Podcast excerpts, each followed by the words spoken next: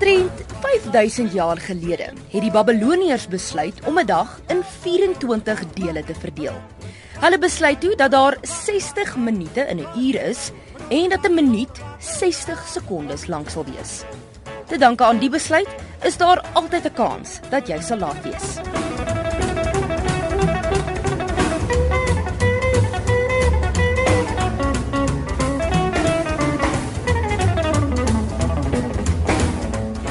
1000 jaar later word 'n klok vir die eerste keer gebruik. Die sonwyser maak toe sy ontstaan en die Babiloniërs kon tyd hou deur te kyk waar die skaduwee van die wyser val. Die tik-tok geluid van 'n horlosie is vir die eerste keer gehoor met die ontstaan van die meganiese klok. Presies wie verantwoordelik was vir die eerste meganiese klok is onduidelik, maar dit word geglo dat dit in die 1200s in Europa was. Die klokke het gebruik gemaak van gewigte of 'n veer maar dit kon maklik beskadig word wat veroorsaak het dat die tyd nie akkuraat was nie en almal waarskynlik laat was. When the chimes ring 5, 6 and 7, we'll be right in 7 heaven.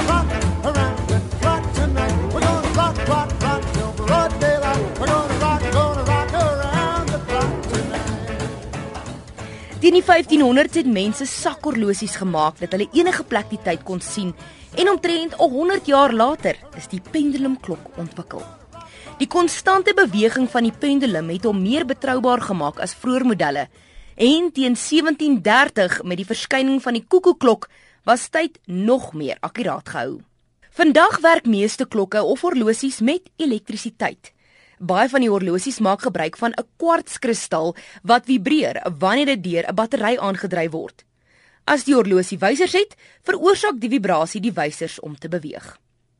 Alhoewel die kwartskristal goed werk, is die atoomklok nog die akkuraatste. Die atoomklok tel die vibrasies van 'n atoom. Dit vat miljoene jare voor 'n atoomklok selfs met net 'n sekond sal uitwees. Nuwe tegnologie sal waarskynlik nog kop uitsteek om die hou van tyd meer akkuraat te maak. Maar wat ook al die nuwe uitvindings bring en watter horlosie of klok jy dalk gebruik, Iemand sal altyd wil weet. Hoe laat is dit?